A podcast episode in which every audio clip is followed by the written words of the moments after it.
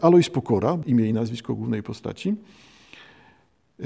Jak wygląda, jak w jego oczach wypada to, co mówią Niemcy o Śląsku, czyli Alois Pokora, Stąd tytuł tej książki Pokora, chociaż ja znowu z uśmiechem raczej zaznaczę, to jest tytuł wieloznaczny. On nie jest związany z nazwiskiem postaci, dotyczy różnych rzeczy.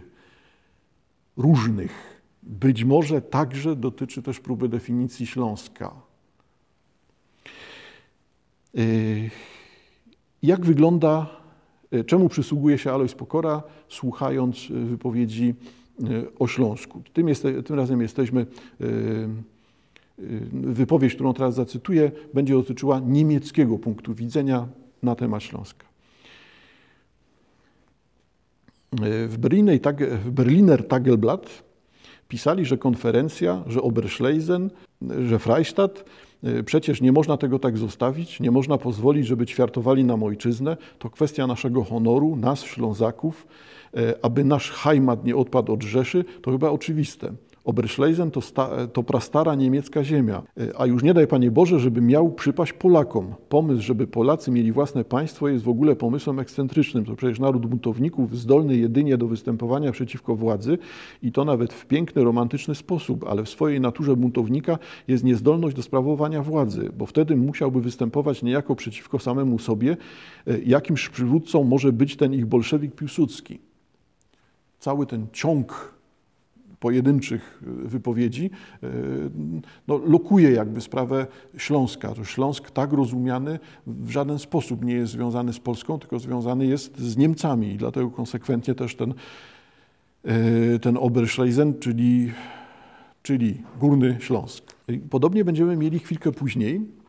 Można zobaczyć tą samą sprawę, ale w ujęciu tych ludzi marzących marzących o polskości, czyli jesteśmy dalej na Śląsku, dalej z punktu widzenia Alojza Pokory, ale tym razem nie słyszymy głosu ilustrującego niemiecki punkt widzenia, tylko ten polski. Przypomniałem sobie Dionizję Polskie, to jest y, nazwa przyjęta tutaj na spotkanie towarzyskie. Specyficzne spotkanie towarzyskie, w którym uczestniczy Alois Pokora. Przypomniałem sobie Dionizję Polskie we wrocławskim mieszkaniu Dionizego Brauna e, naprzeciwko synagogi i zaraz obok prezydium policji, co wtedy wydawało nam się zasadniczo nadzwyczaj zabawne. Pod samym nosem pruskich policjantów odbywały się nasze polskie spotkania, na których nie tylko mówiliśmy po polsku, ale też rozmawialiśmy o polskich sprawach, czytali egzotyczną polską prasę. Pamiętam wielki spór o płomienie Brzozowskiego, którymi panowie Polacy się zachwycali albo które uważali za obrzydliwe. To ci bardziej przywiązani do myśli konserwatywnej. Ja zaś słuchając ich sporów, swą powieść przeczytawszy, samą powieść przeczytawszy, owszem, czułem tylko ich obcość. Główny bohater, jego dylematy, jego wybory nie wzbudzały we mnie żadnych emocji. Czytałem o przygodach Kaniowskiego z zainteresowaniem, tak samo jak czytałem zainteresowaniem o przygodach Winnetu i obaj, zarówno Indianin, jak i Polak, wydawali mi się tak samo egzotyczni.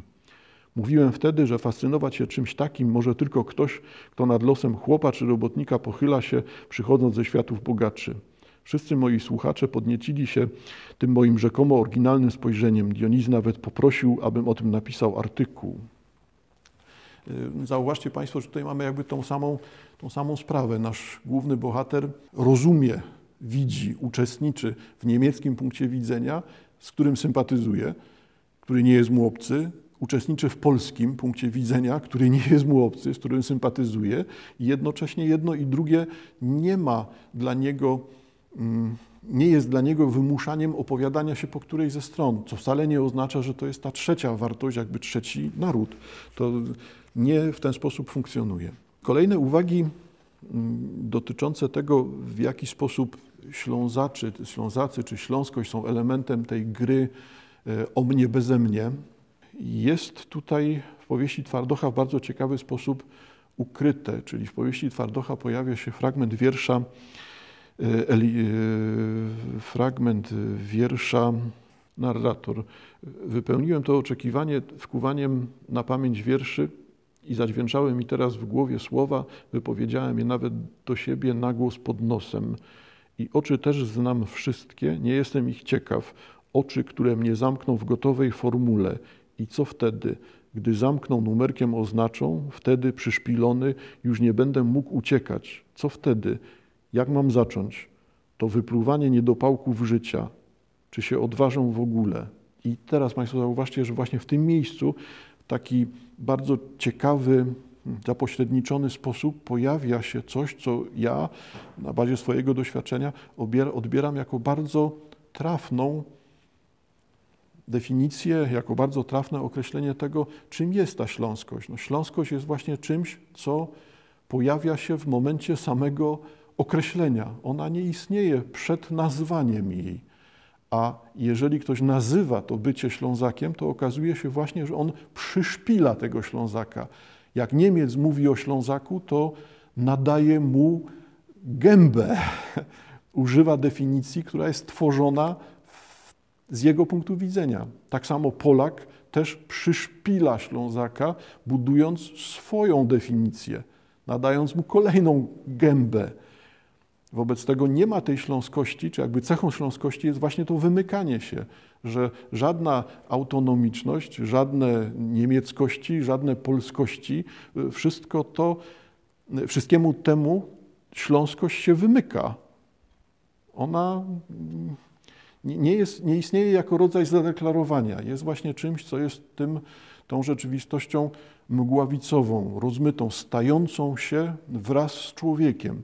I tutaj widziałbym bardzo dużą nowoczesność, bo teraz mówię już o czymś bardzo długim, tak, o, o tym przynajmniej 100-200-letnim odcinku czasu, dużą e, nowoczesność e, pozwalającą widzieć śląskość jako coś awangardowego, bo tak rozumiana tożsamość jest czymś, co będzie pojawiało się w następnych 100-200 latach globalnie, bo tak będziemy funkcjonować.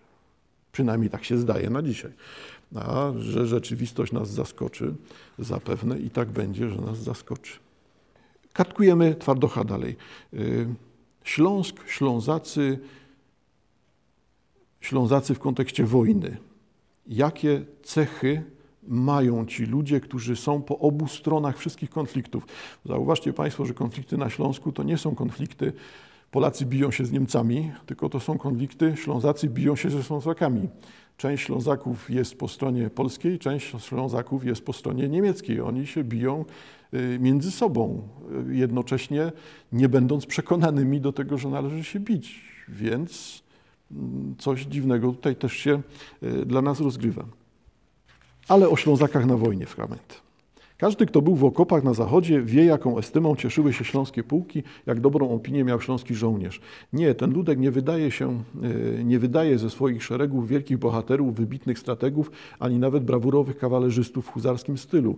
Jednak mm, e, infanterzysty nie masz na świecie lepszego od Ślązaka.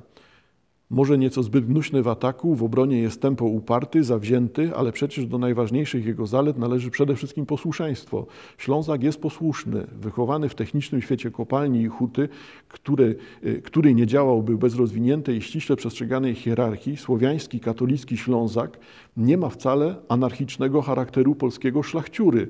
Dla Ślązaka rozkaz jest świętością większą niż Bóg i praca. Rozkaz rządzi Ślązakiem, jak automatonem rządzą skomplikowane systemy trybików i krzywek. Ostatnia wojna pokazała nam, że skończyły się czasy indywidualnego bohaterstwa, co wie każdy, kto liznął okopów. Mówi, teraz podejmuje e, głos narrator, a ja chciałbym powiedzieć, że, dro że drogi Smilo, absolutnie nie negując Twojej osobistej odwagi i wartości Twojej służby ojczyźnie, służyłeś przecież najpierw w marynarce, potem zaś na cepelinach i w szwadronie bombowców, przecież nie wiesz nic o okopach, poza tym coś w gazecie przeczytał. Ale nie mówię nic. Smilo zaś owszem. Smilo mówi dalej cichym głosem, którego wszyscy słuchają w skupieniu. Mówi o tym, iż ostatnia wojna pokazała nam, że liczy się masa, sprawnie zorganizowany, wielomilionowy żołnierski organizm i w tej wojnie to właśnie śląskie posłuszeństwo, zażarte i bezwzględne, jest wartością o wiele większą niż jakaś kawaleryjska brawura. Wszyscy wiemy, że kulomiot zmiótł kawalerię z pól bitewnych naszych czasów, zanim automobile nie upowszechnią się bardziej. Może jeszcze trzeba będzie na bitwę konno dojeżdżać, ale walczyć musimy już zawsze i tylko na pieszo lub w tanku. Ale dość o tym, panowie. Ślązak posłuszny, nawet jeśli słowiański z pochodzenia Ślązak, to materiał ludzki bardzo dla naszej ojczyzny cenny. Aby go wykorzystać właściwie, materiał ten potrzebuje, żeby mu przewodzono. I to tacy jak my musimy się tym zająć. Ale żeby się tym zająć, trzeba najpierw przegonić stąd Polaczków, nieprawdaż? Oklaski, psy szczekają. No, zauważcie Państwo, w którym miejscu lądujemy. No to jest znowu ten moment, kiedy mamy to nadawanie, przyszpilanie. Przyszpilanie, że z punktu widzenia niemieckiego Pola, e, Ślązacy to są ci, którymi jak się rządzi, to starają, stają się ideałem Niemca. Nie ma tego w tym tekście, no ale trzymając się jakby tych samych skojarzeń, w ten sposób można by było to ująć. Tylko jeszcze raz, to co przed chwilą czytałem, nie jest definicją Śląska, tylko jest efektem spojrzenia na Śląsk z punktu widzenia niemieckiego. Rodzi się te, wtedy tego typu obraz, a to wcale nie oznacza, że ten obraz jest, e, jest tu proponowany jako definicja. Nie, właśnie dobrą rzeczą u Twardocha jest to, że te definicje się wymykają, że one są czymś, co jest materiałem tej powieści, czymś, co sprawia, że zastanawiamy się nad tym, ale o co chodzi, to w końcu co to jest, na czym to polega i okazuje się, że głównym tematem jest unikanie wymykanie się rzeczywistości e, próbą jej zdefiniowania. E, co wobec tego z tą samą tożsamością śląskości? Narrator pojawia się z wizytą u ojca, jest już dorosłym człowiekiem. I wtedy widzimy taki moment, kiedy on usiłuje podsumować, coś określić siebie. Patrząc na ojca, narrator określa siebie. Tyś to już nie ino pruski oficyje, a teroski komunista, Spartakuser. Powiadają ojczurek, a ja znam ten ton, znam go dobrze, ton niby na serio, ale z przekąsem, ton absolutnej niewiary nie tylko we mnie, ale w każdego z naszej klasy społecznej, każdego, kto jak ja wyobraził sobie, że może być kimś innym. Ton mojego tatulka unieważnia moją abitur, moje studia, mój stopień oficerski, nawet moje zaangażowanie w rewolucję czyni je nieprawdziwymi. To, że ktoś taki jak ja mógł, mógł wieść życie inne niż pod ziemią, oddychać powietrzem pozbawionym pyłu, jest niemożliwe. Tak zupełnie niemożliwe, że nawet kiedy właśnie takie inne życie wiodę, życie prawdziwego człowieka, pańskie życie, to muszę to robić jako oszust. Tak naprawdę na pewno nie mam abitur, nie studiowałem filozofii w Breslau, nie byłem lejtnantem pionierów, e, bo to strukturalnie niemożliwe by ktoś taki jak ja naprawdę miał abitur, tudzież był oficerem. Moja żałosna próba udowodnienia, że mogę prowadzić inne życie przez faktyczne prowadzenie innego życia, obnaża mnie jako żałosnego, infantylnego oszusta. Jano, tyś już nie ino pruski oficer, ale teroski jeszcze i komunista, mówią Tatulek, a ja w zasadzie sam się z nim zgadzam. Brzmi to zgoła absurdalnie.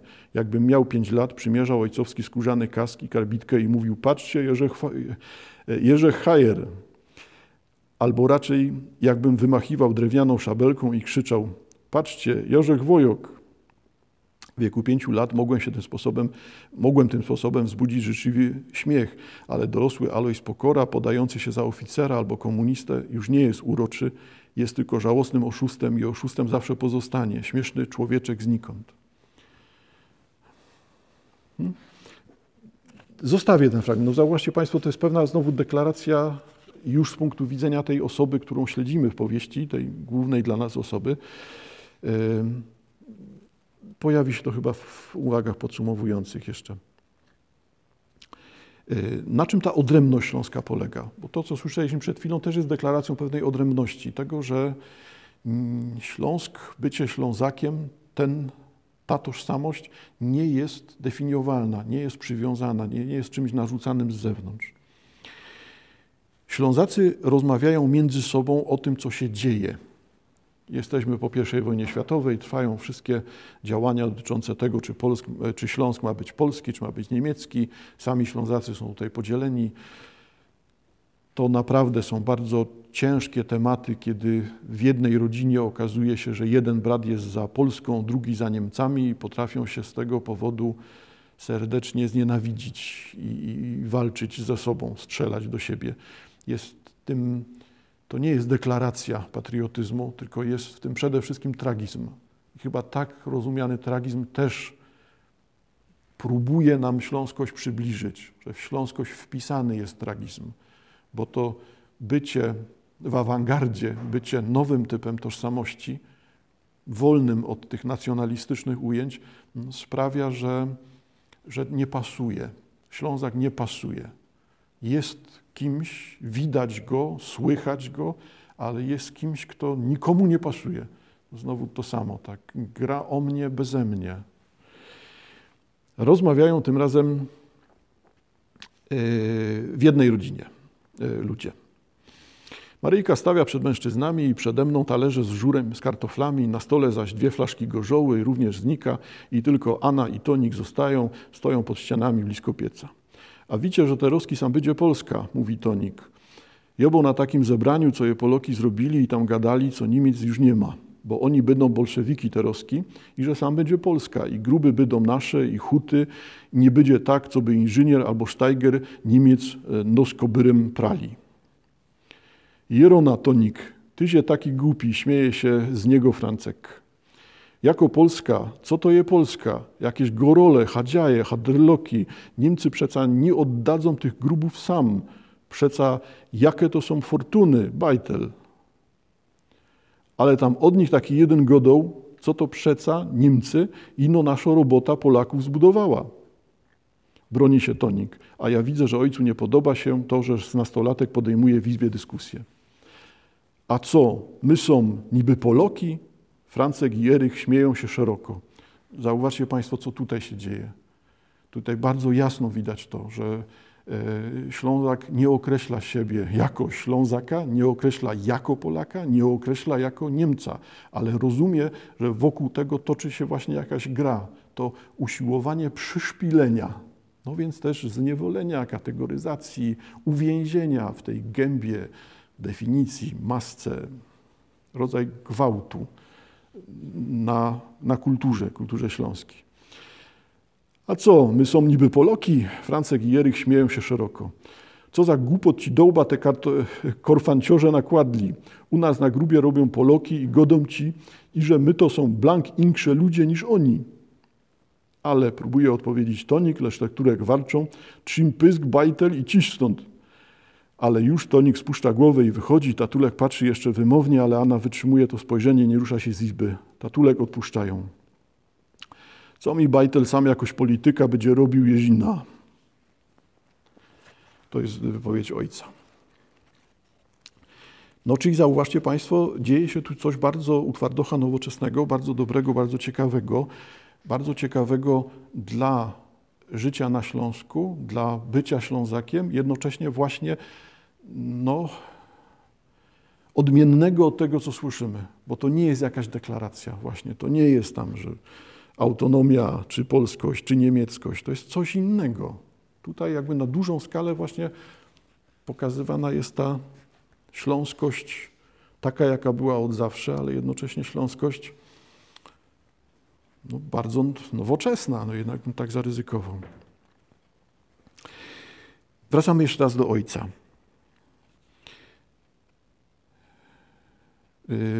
Jesteśmy w czasie pogrzebu. Będziemy widzieli, czy słyszeli za chwilę o pogrzebie powstańca śląskiego. Okrutna obojętność starego pokory. Ojciec uczestniczy w pogrzebie, obojętnie. Ile dzieci stracił? Marta i Simon zmarli jako niemowlęta. Pamiętam, że cierpiała mamulka, a on siedząc fajką na lambie, y, czy cierpiał wtedy. Potem Konrad i Karlik na wojnie, zawiadomienia nadeszły pocztą, potem mały Izidorek, którego zabrała grypa, a potem przecież stracił też mnie w sposób być może dla niego bardziej bolesny, potem zaginiony Wilik, a teraz ten czternastoletni chłopiec z karabinową kulą w piersi. Droga na cmentarz przebiegała więc spokojnie, msza również. Żernicki farosz kazanie powiedzieli po niemiecku na wyraźne życzenie ojca, co spowodowało trochę zamieszania w tylnych ławkach kościółka, uciszonego jednak farożuskim autorytetem. W kazaniu nie było ani słowa o polityce, dzięki czemu zamieszanie w ogóle ucichnąć mogło. Nieznani mi ludzie w tylnych ławkach wyglądali na takich, którzy, wielko, e, którzy wielkoniemieckiej albo centrowej agitacji łatwo by nie znieśli. Zamieszanie wybuchło dopiero na cmentarzu, kiedy Farosz z ministrantami po zmówieniu łacińskich formuł poszli swoją stronę. Wtedy ci ludzie, którzy w kościele siedzieli w tylnych ławkach, a było ich około dziesięciu, rozwinęli biało-czerwone flagi i zaintonowali rotę. Tego było za wiele dla starego. Zamknąć pyski, skurwysyny, wrzasnął. Zaś Frącek i Erich rzucili się na korfanciorzy z pięściami, a za nimi inni żałobnicy, kuzyni, mężowie kuzynek, krewni i powinowaci. Przewaga po stronie żałobników pakujących śmierć Augusta Pokory była przytłaczająca. Jeden z korfanciorzy wyciągnął pistolet, na to swoje wyciągnęli też Wilgi i Erich. Padło kilka strzałów, ja szarpnąłem swoją emmę, rzuciłem się z nią na ziemię, przykryłem ją własnym ciałem i chociaż zachowanie przeklętych wielkich Poloków było oczywiście skrajną bezczelnością, to mnie zajmowała tylko troska o żonę. Nie chciałem przyłączyć się do bijatyki, nie chciałem strzelać, nie wziąłem nawet ze sobą broni, co oczywiście w kontekście pogrzebu ofiary polsko-niemieckich niepokojów było bardzo nierozważne. Trzeba było broń wziąć. Rozsądni ludzie nie ruszali się bro bez broni z domu. Ja jednak nie chciałem. Zamierzałem chronić moje szare życie, moją Emmę, która była treścią tego życia, moją Emmę i moje dziecko e, w jej brzuchu, mój sen o szarym życiu. E, ja celowo przywołuję tę scenę, bo ona wygląda na scenę może absurdalną, a może jakąś taką slapstickową, że y, scena bijatyki na cmentarzu, y, okładania się przez żałobników należących do, do tej, y, uczestniczących tej samej uroczystości jest czymś, co powinno być szokujące, powinno być absurdalne, a tymczasem w rzeczywistości staje się czymś komicznym. Mm, nie wiem, czy tego typu scena nie jest też zabiegiem przypominającym o jeszcze jednym, że nawet jeżeli na Śląsku mieliśmy tę sytuację, Ślązak z jednej rodziny, jeden po stronie niemieckiej, drugi po stronie polskiej, e, to czy rzeczywiście to, co ja powiedziałem wcześniej, że tutaj rodzi się nienawiść, jest czymś sensownym, bo równie dobrze ona się nie rodzi. Równie dobrze wszystkie takie kategorie opowiadania się Ślązaków po stronie niemieckiej czy polskiej można traktować właśnie z przymrużeniem oka. Można traktować jako coś, co jest głupim przeniackim wybrykiem i wiadomo, że to do niczego nie służy i wiadomo, że e, zaraz i tak wszyscy siądziemy przy stole i zjemy wspólny obiad. To jest jakby ta druga strona, że te podziały wcale nie muszą tak jasno prowadzić do nienawiści co wobec tego?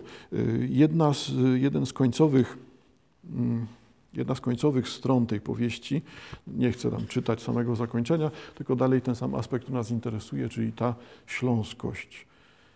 Narrator. Narrator otrzymuje propozycję przyłączenia się y, do Polaków i jest przekonywany przez jedną z postaci. No wiesz, oczywiście, możesz się przyłączyć do Polaków, jeżeli nagle uznałeś, że lepiej ci być Polakiem, mówi Smilo z retoryczną manierą, jakby uczestniczył w uniwersyteckiej debacie i stosował jakieś schopenhauerowskie sztuczki. Ale po co ci w takim razie były gimnazjum i studnia? Polakiem mogłeś być jak twoja rodzina i bez tego przecież mogłeś wyjść z konwiktu i nie wrócić. Nikt by cię nie zatrzymywał. Mogłeś wyjść i nająć się do roboty za jakiegoś ślepra, a jednak zostałeś Przeżyłeś wszystkie upokorzenia ze strony tamtego chłopaka, nie pamiętam jak się nazywał. Poza tym chyba nie uważasz, że oni mogą tu wygrać. Owszem, teraz może i dojdą i do Odry. Podobno ich terroryści powysadzali jakieś mosty, ale przecież żaden porządny Niemiec nie będzie spał spokojnie. E, ruszymy się, przyjdą Freikorpsy, same ostrzelane chłopy, przyjdzie Oberland i inni, spuścimy Polaczkom lanie. Chcesz być wtedy po ich stronie? Nie chce być po żadnej stronie. I to jest odpowiedź narratora. Zauważcie Państwo, że to właśnie chyba najbardziej pasuje do tego, mm, co przed chwilą mówiłem. Ta świadomość nieprzynależenia, niezapisywania się. I po co? Po to, żebyś teraz od nowa musiał Polakom udowadniać, że jesteś dobrym i godnym Polakiem? U nas masz to załatwione. Wszedłeś w nasz prawdziwy niemiecki spór o kształt rzeczywistości. Może i byłeś Spartakusowcem, ale niemieckim. Może e, i byśmy cię za to rozstrzelali, ale jak Niemca. Zostaw bycie Polakami, twoim braciom, twojemu ojcu. Im to wychodzi samo z siebie. Ty włożyłeś tyle pracy w to, żeby być Niemcem, prawdziwym Niemcem, prawdziwszym nawet niż ci do niemieckości urodzeni, bo z wyboru. Mój ojciec i bracia w plebiscycie głosowali wszyscy za Niemcami, odpowiadam. Mój ojciec służył pod Sedanem, w Ułanach, dostał krzyż żelazny. Mówię, ale myślę przez sekundę o czymś innym. O tym, że Smilo ma rację. Nagle wydaje mi się to o wiele ważniejsze niż polskie powstanie. Nie, nie byłem więźniem w konwikcie. Mogłem wyjść, uciec w każdej chwili, nie w kwincie czy w sekście, ale w kwarcie. Kiedy miałem 13 lat, mogłem uciec od tej przemocy i teraz, kiedy mieszkałem na stacji, też mogłem uciec. Mogłem zarobić na życie pracą własnych rąk. Sam jestem sobie winien, że zostałem, że nie miałem w sobie tego hartu ducha, wewnętrznego poczucia godności, aby stać się kimś odpowiedzialnym za siebie, kimś samosterowanym nie tylko przedmiotem, zawsze od kiedy Farosz y, Szoltis przyszli do mnie do kuchni i powiedzieli mojemu tatulkowi, teraz też nie muszę tu siedzieć, mogę wstać, wyjść, mogę być podmiotem. To ja. Nie wstąpię do Twojego frajkorpsu, Smilo. Nie jestem frajkopserem. Nie jestem w ogóle nikim. Nie jestem spartakusowcem, ani korfanciorzem, ani demokratą, ani liberałem. Nie jestem nawet Alois Pokora. Jestem pokrzywą wyrwaną z żystej gleby, gleby, żeby zrobić miejsce pożytecznym roślinom. Nigdzie nie należę. I to jest ta deklaracja Ślązaka. Zbierzmy, proszę Państwa, to wszystko. Przeczytałem z dużym zainteresowaniem, jak zawsze czytam Fadocha zainteresowaniem, ale to tym bardziej przeczytałem zainteresowaniem, no bo nie ma tutaj rozważań e, o polsko-niemieckich, przepraszam, o polsko-żydowskich relacjach i napięciach w Warszawie w latach 30., no co dla mnie jednak jest światem e, zapoznanym, a nieznanym. Wobec tego to przeczytałem z przekonaniem. Oczywiście, że to nie są pierwsze uwagi Twardocha e, o Śląsku, odsyłam zainteresowanych, ale sięgam do tego z powodu mm, no, świeżości, tego, że właśnie ta książka się ukazała. W jaki sposób ja bym tłumaczył całą tą powieść? Myślę, że bardzo dużo daje świadomość tego, że chcąc, nie chcąc, celowo, niecelowo, tutaj Twardoch nawiązuje do e, powiastki filozoficznej. Umieszcza swojego bohatera w różnych miejscach, w różnych otoczeniach, wywołując reakcję tego otoczenia, wywołując konieczność określania tych miejsc, co daje nam niewielką wiedzę o samym, samej przyczynie, o samej tej osobie. To jest coś właśnie, co się wymyka. Jakby ta właśnie poetyka, poetyka tej, tego prowokowania do wypowiedzi, prowokowania do reakcji, y, jest tutaj zabiegiem stylistycznym, jest czymś konstrukcji tej powieści bardzo widocznym, y, a jednocześnie bardzo ciekawie oddaje to, co jest głównym tematem. Na ile pokora jest E, przywołaniem jeszcze raz nazwiska e, głównej postaci, e, a na ile pokora nie jest tym dodatkiem do,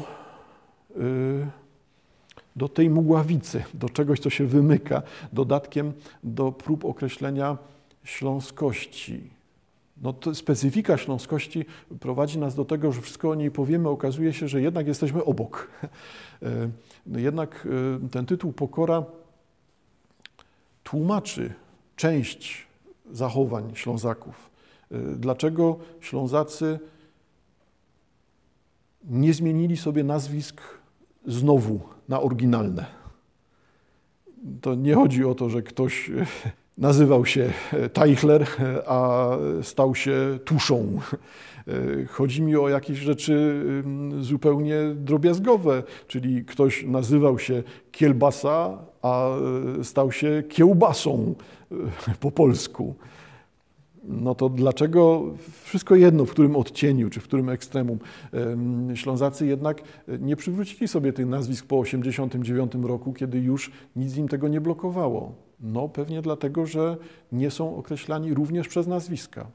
Że to, do czego przyzwyczajeni są tak mocno chociażby Polacy, do określania tożsamości przez nazwisko, na Śląsku też okazuje się czymś, co co jest tylko przenoszeniem przyzwyczajeń. W rzeczywistości jesteśmy w innym miejscu, myślimy w inny sposób, poruszamy się w kręgu właśnie tego, tej wymykającej się tożsamości, która istnieje, niby jest oczywista, ale jednocześnie nie podlega konieczności zadeklarowania. Czy ja nazywam się Tusza, czy nazywam się Teichler, to mogę tak samo tymi królami się zająć, tak samo posiedzieć i w spokoju zapalić przed chliwikiem, patrząc na swój ogródek 3 na 5 metrów i nie potrzebuje do tego ani Polaków, ani Ślązaków, ani Niemców i nie potrzebuję komuś, kto będzie mi gadał, jak mam żyć. Bardzo intrygujące i rzeczywiście bardzo nowoczesne. Jakby do, do dzisiaj, do dzisiaj przynajmniej tak to, tak to odbieram, nie? że tak próbuję to przekazać teraz, jakbym mówił o tożsamości współczesnego człowieka, a nie o tożsamości Ślązaka. Bardzo ciekawy model. Proszę Państwa, jak natomiast wynika to, może y, sama ta tematyka dobra, zła w tych cytatach, które przywołałem z Twardocha, y, nie była tak bardzo mocno widoczna, no ale ona jest tutaj w tle. Wszystkie te napięcia Ślązaków, wszystkie te sprawy dyskusyjne rozgrywające się między Ślązakami, te, te napięcia wokół wszystkich zagadnień, które y, wymieniłem wcześniej, będą widoczne nadal.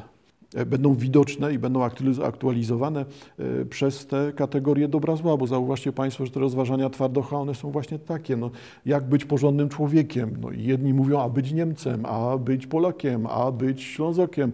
No i nagle okazuje się, że to coś tego się nie da pogodzić. No to czym jest dobro, czym jest zło, jeżeli ten świat jest tak wymieszany. to jest jakby kolejny wątek u twardocha, kiedy e, jednym z tematów fabuły stają się właśnie uwagi dotyczące tego zacierania albo nieistnienia takiego prostego podziału e, pomiędzy dobrem a złem.